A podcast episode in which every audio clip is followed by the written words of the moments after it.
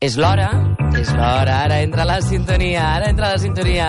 Torna el Genís Cinca, què tal, com estàs? Molt bé, molt bon dia. Estic molt contenta que en aquest meu primer cap de setmana de, del Via Lliure eh, trobar-me amb tu per fer aquesta secció L'Honorables Catalans, a més a més, amb una, amb una figura com la que sí. recuperarem avui. Sí. Eh, es compleixen aquest 2020 15 anys de, de la mort de la barcelonina Victòria dels Àngels, una de les sopranos més destacades del segle XX, que va triomfar a les sales d'òpera i de concerts de tot el món i enregistrar també discos que han esdevingut eh, una absoluta eh, referència de, del cant líric, no, Genís? Sí, sí, sí, sí. A més a més, la Victòria dels Àngels, que és una honorable que, sense voler-ho nosaltres, l'hem anat repetint perquè sí? eh, és tan intens, el personatge és tan desconegut, però tan ric, que se'ns ha fet necessari recuperar una figura que és exemplar en molts aspectes i diferent del triomf que han tingut altres cantants de lírica, que han preferit grans estadis per acabar d'esclatar popularment, mm. que és al revés del que la Victòria dels Àngels va fer amb la seva pròpia veu i la seva carrera.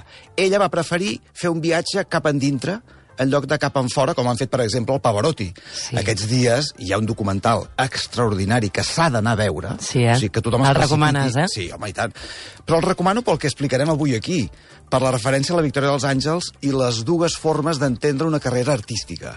Artística, digue-li, fer ràdio, fer televisió, escriure, cantar o jugar a futbol, com sí, ara sí, ells sí. deuen. O sigui, sí. ca, què vas, cap a dintre d'un concepte o cap a un altre. En aquest cas, això és una mena de cruifisme del món del cant, perquè la Victòria dels Àngels, en lloc de preferir cantar en grans estadis, que és una mica la, el destí natural que s'ha viscut als anys, als anys 80 i 90 amb els Pavarottis i companyia, sí. els tres tenors. Ella fa el contrari.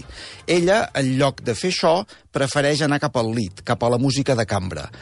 Quan ja una mica va deixant els grans escenaris, les grans òperes, que les va cantar totes. Totes, Ara, eh? No en va deixar ni una. Bé, és que interpretava molt bé interpretava molt bé perquè el seu viatge és un viatge cap als seus orígens.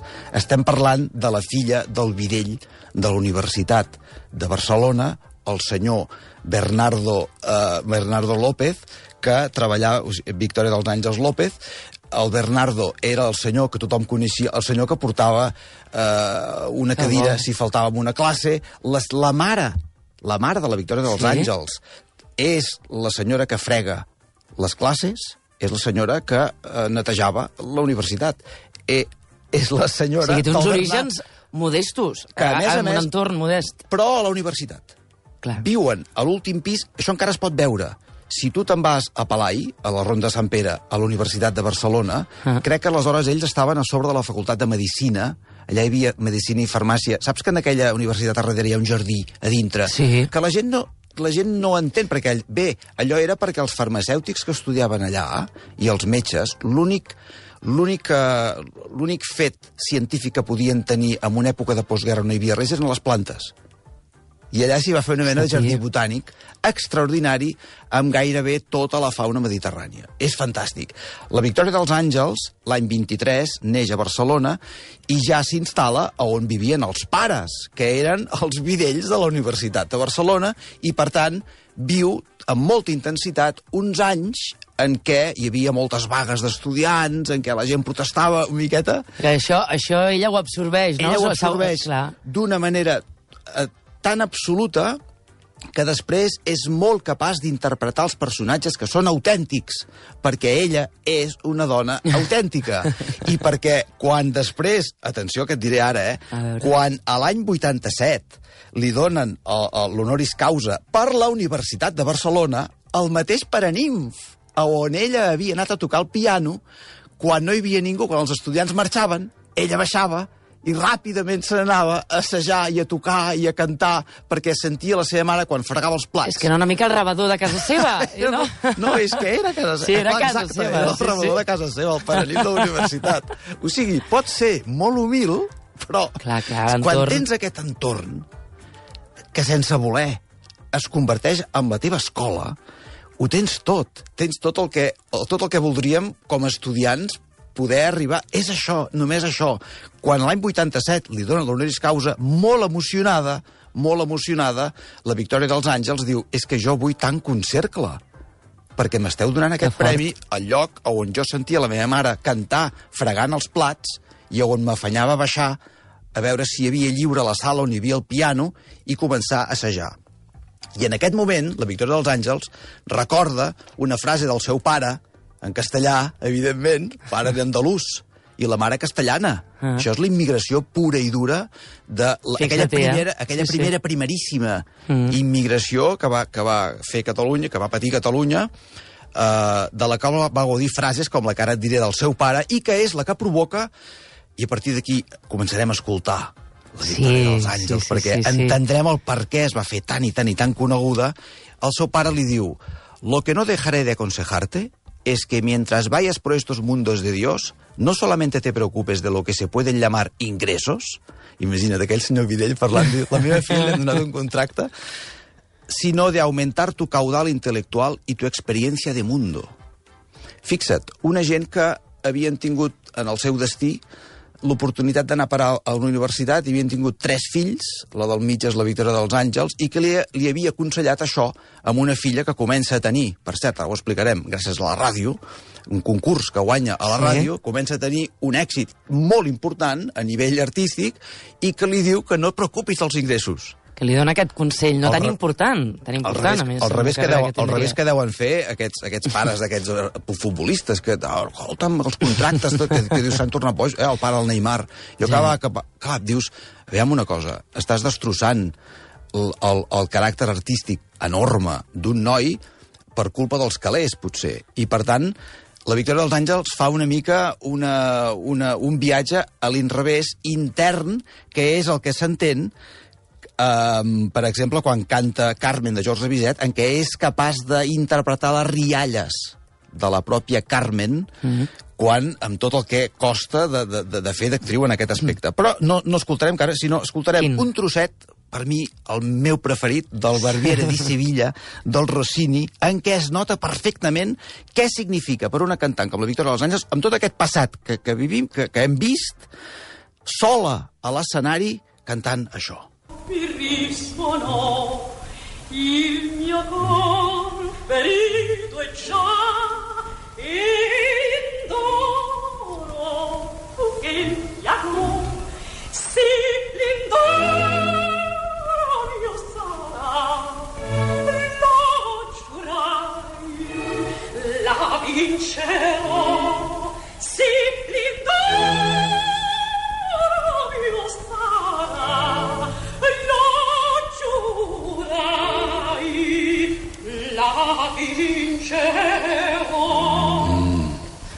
potència, sí, eh? És, més, és tan evident. És, uh, és la no exageració.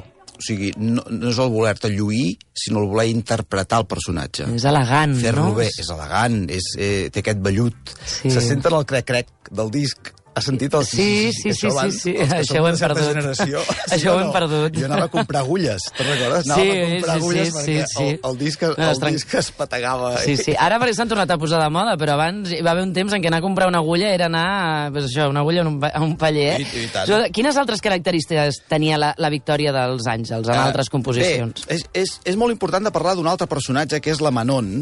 Uh, la Manon va ser el, el segon Eh, eh, el, el primer era la Mimí. La Mimí va ser un... Eh, després te l'explico, eh? Tot, tot connecta amb la biografia de la Victòria dels Àngels i això que m'ha explicat tan important d'aquests orígens humils i haver-los sabut respectar. Uh, interpreta el personatge de Manon uh, en l'obra del mateix, el mateix nom de Jules Messenet. Uh, el personatge és una monja. És una monja que renuncia a ser monja per amor o sigui, tot per l'estimació, tot pel que realment belluga la nostra vida, mm. que és l'amor. I fuig amb el seu enamorat, Desgrier, però després el deixa, eh, es deixa seduir per un home ric. Imagina't, la Victòria dels Àngels deixant-se seduir per un home ric. I, és clar s'adona del seu error. Una mica és el que a ella no li va passar. Però s'adona del...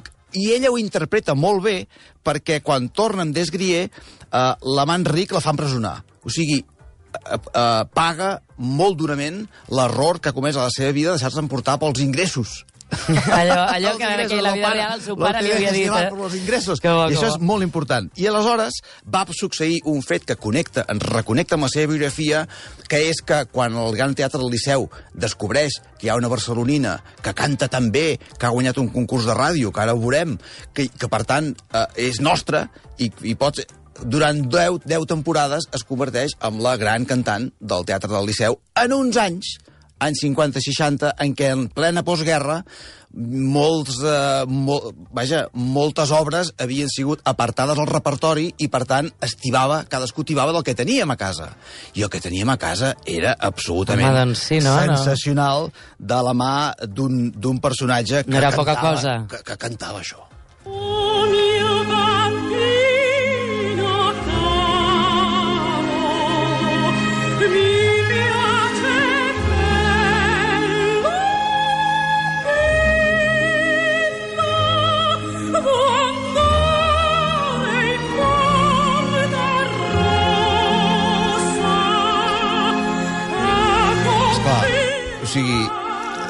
em sap greu haver de parlar sobre d'això, eh? però el meu Sí. pare bambino, això és Puccini, això... Ho hem sentit potser més amb veus... Eh... Cales, sí. això és molt cales. La gent Sí. quan se'n va a la cales escolta de seguida això, perquè evidentment ho va brodar. Però hem de prendre molta consideració amb una cantant com l'Idora dels Àngels que ho va prendre d'una altra manera. Quina delicadesa, Ho per això és que prendre- estic sentint per sota les nostres veus i és, és que és espectacular. Sí, sí.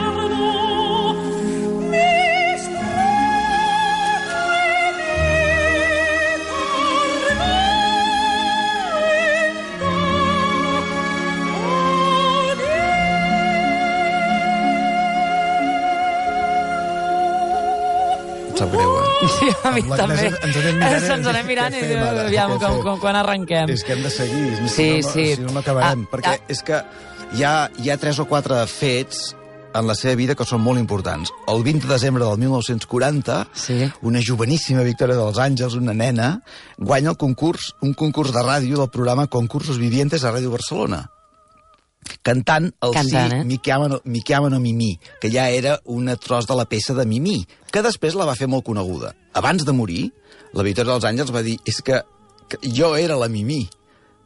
Jo, jo era la que sentia el personatge d'una manera més plena i rica. I guanya el concurs de Ràdio Barcelona amb aquest, amb aquest Mimí eh, i un bel diveremo. El premi... Eh, saps quin era el premi? Que, és Quin, que és quin, molt quin, fort. quin, Això quin? són coses d'abans. Que, Quin, que quin, quin, sí, el premi sí. era interpretar la Bohem al Teatre Victòria de Barcelona. És clar, quan interpreta la Bohem al Teatre Victòria de... Ojo, eh? Vull dir, a veure, Home. segons què guanyes no ho vols. No, i tant, però ella, es ella- presenta al concurs perquè guanyar significa debutar amb la Bohem, Clar, més menys, al clar, Teatre clar. Victòria de Barcelona. Ho fa i això significa el començament de la carrera concertística. Per què? Perquè això la porta a poder estudiar i que uns mecenes hi havia un grup que es deia Arts Musicae a Barcelona, un grup molt important, un grup de, típic de postguerra, de gent que salia per poder fer coses i ajudar la gent, sí. que li paguen li paguen uns estudis i que li permeten eh, fer el seu debut oficial Que al, bo, Palau que bo, de la, al Palau de la Música Catalana Que bo. del Palau de la Música Catalana l'any 44 salta a un altre eh, debut important, que és el Gran Teatre del Liceu, l'any 45. O sigui, és una carrera ben feta. Però a més en poc temps, si el Meteòrica. 40 guanya el concurs i el Esclar. 45 ja està al Liceu... Meteòrica. Uh, això que m'acabes de dir és molt important, perquè tot passa molt ràpid, però passa com ha de passar. Ja. La Victòria dels Àngels no perd el temps, i no vull dir que estudiar sigui perdre el temps estudiant, però per ella estudiar és un tràmit. Per ella el que importa és començar a treballar, començar a cantar i no perdre's... O sigui, que el llegir no et faci perdre l'escriure. Mm -hmm. I per ella aquest aspecte és molt, connecta molt amb el pare. No ho fa per ingressos, ho fa perquè necessita perfeccionar la seva veu. Ho fa de la mateixa manera que quan té un fill amb síndrome de Down, fixa-t'hi, mm -hmm. en lloc d'anar als grans estadis per guanyar diners, perquè els necessita, perquè quan et passa un fet així, el primer Sí, que penses sí. és jo ara necessito calés, he de pagar estudis, he de pagar metges, he de pagar gent. Sí. Ella què fa? Fa el viatge cap a l'interior fa el viatge cap al perfeccionament de la seva veu i es converteix en una gran especialista de la música lit, de la música de cambra, del piano i tu. Mm. Una mica torna a la sala del paraniment de la universitat. Sí, sí, sí, M'entens? I aquí és un punt molt important. Els estudis que siguin curts, diu ella. El que ella sent és un gran respecte per la seva veu i afirma que sempre l'ha tractat amb una gran delicadesa, sense forçar-la mai, recordes al començament, escoltàvem la Vera de Sevilla, que Sí. sembla que diu, ah, és com si pogués donar més. No, no és donar més. Mai ho donis tot, allò, anem a donar-ho Sí, tot. No, no ho donis tot, perquè l'any demà estaràs Això trinxat. també és allò de l'elegància, eh? Bé, és una mica tot. És curiós que referís al, al treball tècnic com una cosa que s'adquireix de manera espiritual. O sigui, hi ha un aspecte místic, diguéssim, un aspecte espiritual, com ella mateix deia, en el cant, que connecta molt amb aquest personatge. És partidari de fer un estudi molt rigorós de les partitures que estudia, ficar-se dintre del personatge, entendre'l bé. Aquesta Mimí o aquella monja que veia en la Manon, eh? això, ella ho entenia molt bé, perquè, a més a més, era una mica la seva vida. Buscava la connexió, no? Exacte, buscava la connexió, el personatge, el personatge que, que interpreta, sense que sigui un fet obsessiu. Eh? Aquestes paraules són importants. Sovint manifesta que la carrera d'un músic és un fet vocacional que requereix una dedicació completa i amb certs sacrificis. És allò que diem del, del, dels que toquen el piano o que es dediquen Mm. a la carrera. Ara ens estan escoltant gent que dirà, sí, noi, jo he sacrificat, jo he sacrificat, però això passa una mica amb totes les carreres eh, d'àmbit comunicatiu, artístic. Hi ha un fet de sacrifici personal que és molt gran. Què t'he d'explicar, no? No, és No, veritat. no, no, o sigui, no, però són, sí. són coses que eh, són um, inalienables al, al, que, al fet que, en- que ens dediquem. Ara, um, esclar, jo no puc, jo no puc marxar d'aquesta secció Aviam. sense, sense escoltar una altra peça que per mi és clau. És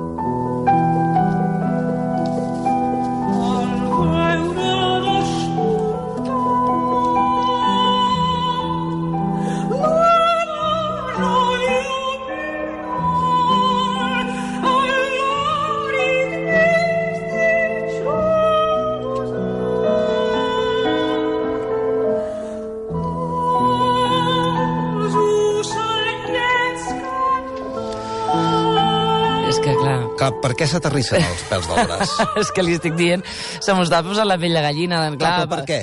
O sigui, i què hi ha aquí? Eh, doncs perquè què em- notes? em és el cant comunica. ocells. I aquí, en aquesta peça, hi ha barrejades diverses, diversos aspectes. Hi ha moltes capes, eh? Hi ha, hi, hi, ha, Però- hi ha la cançó, però hi ha el que ella transmet cantant-la. És el que ella transmet, és el que... És, és aquesta, aquest pols que té amb la, amb la cançó. Ella l'alenteix. Sí. Fa que el piano estigui a l'expectativa d'ella. Te n'adones? Totalment. Clar, si es deixa dominar pel pianista, aleshores queda queda circumscrita en ella controla. allò que la- que l'acadèmia deuen dir, això es canta així. No, això es canta així, però a partir d'ara ho cantaràs com tu has de cantar, com tu vols cantar, no? Mm. Que aleshores això, això és cantar, és fantàstic. És fantàstic, és fantàstic, sí, sí, sí, i tant. És, Déu-n'hi-do. és l'antidiva. Repeteixo, l'antidiva.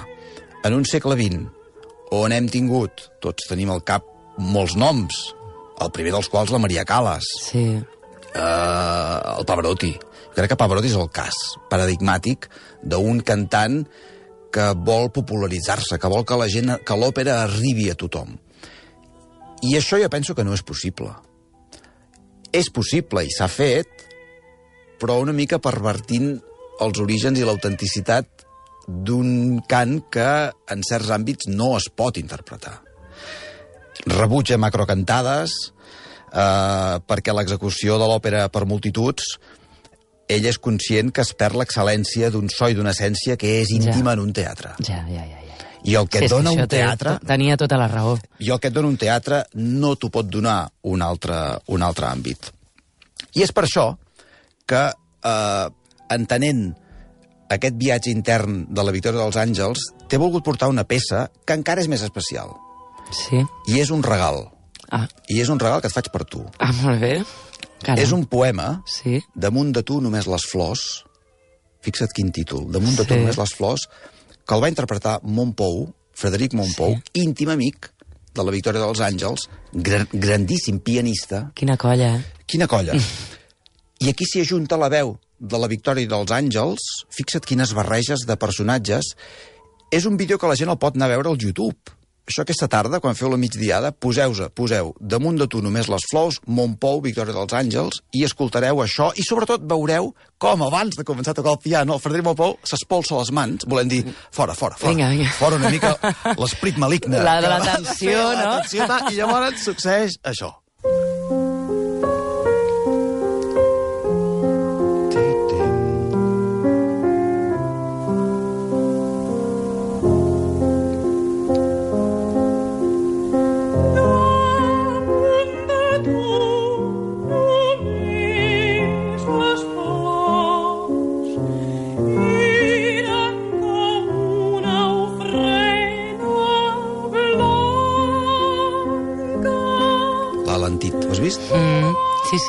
Fer el mateix. Sí, fixa't. Sí, sí, sí. Veus? La para. l'obrar.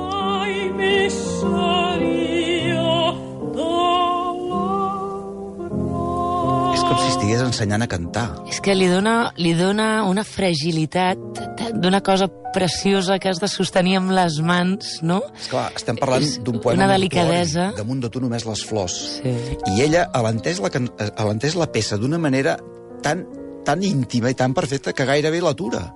Sí, sí, I sí. el sí. pianista, emportat per aquest embruix de la can del tros de cantant que té al davant, no té més remei que seguir la consigna.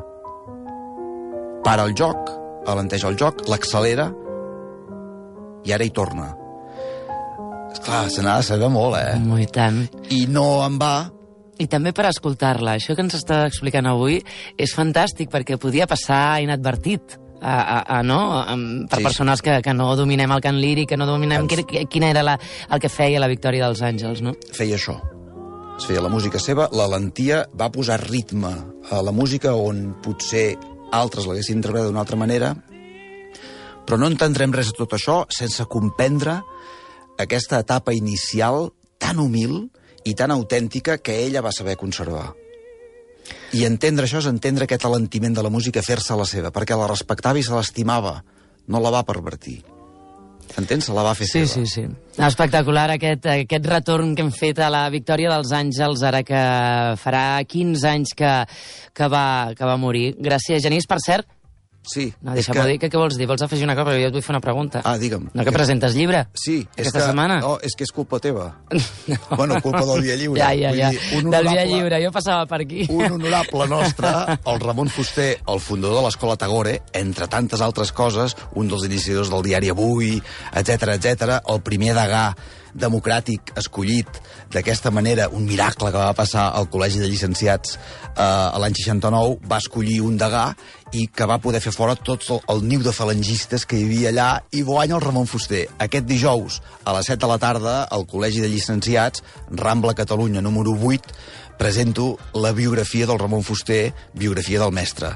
Tothom hi és convidat, qui vulgui eh, sentir una mica de passió pel personatge, explicaré tot el recorregut. Hi haurà els protagonistes de Sí? la biografia, perquè n'hi ha molts que encara són vius, Ah, sí? i vindran la, la, hi va haver els, els, el Fuster va dirigir l'escola de jardineres educadores que va ser la primera vegada que a l'estat espanyol algú va decidir formar les parvulistes o sigui, els Mira, nens sí, sí, Que important. els nens de 3 a 6 anys es quedaven amb la mare. No hi havia un lloc per portar-los. I ell es va dedicar a, a crear bé, professors de mímica, literatura, perquè el nen, en aquesta etapa tan important de la vida, pogués tenir... Però això és un de tants aspectes dels que explicarem dijous. Ho explica amb una passió i ja només la pinzellada que ens ha, ens ha donat aquest llibre promet. Gràcies, que vagi molt bé. Merci. Ens veiem aviat. Adéu. Són les 12 i 3 minuts.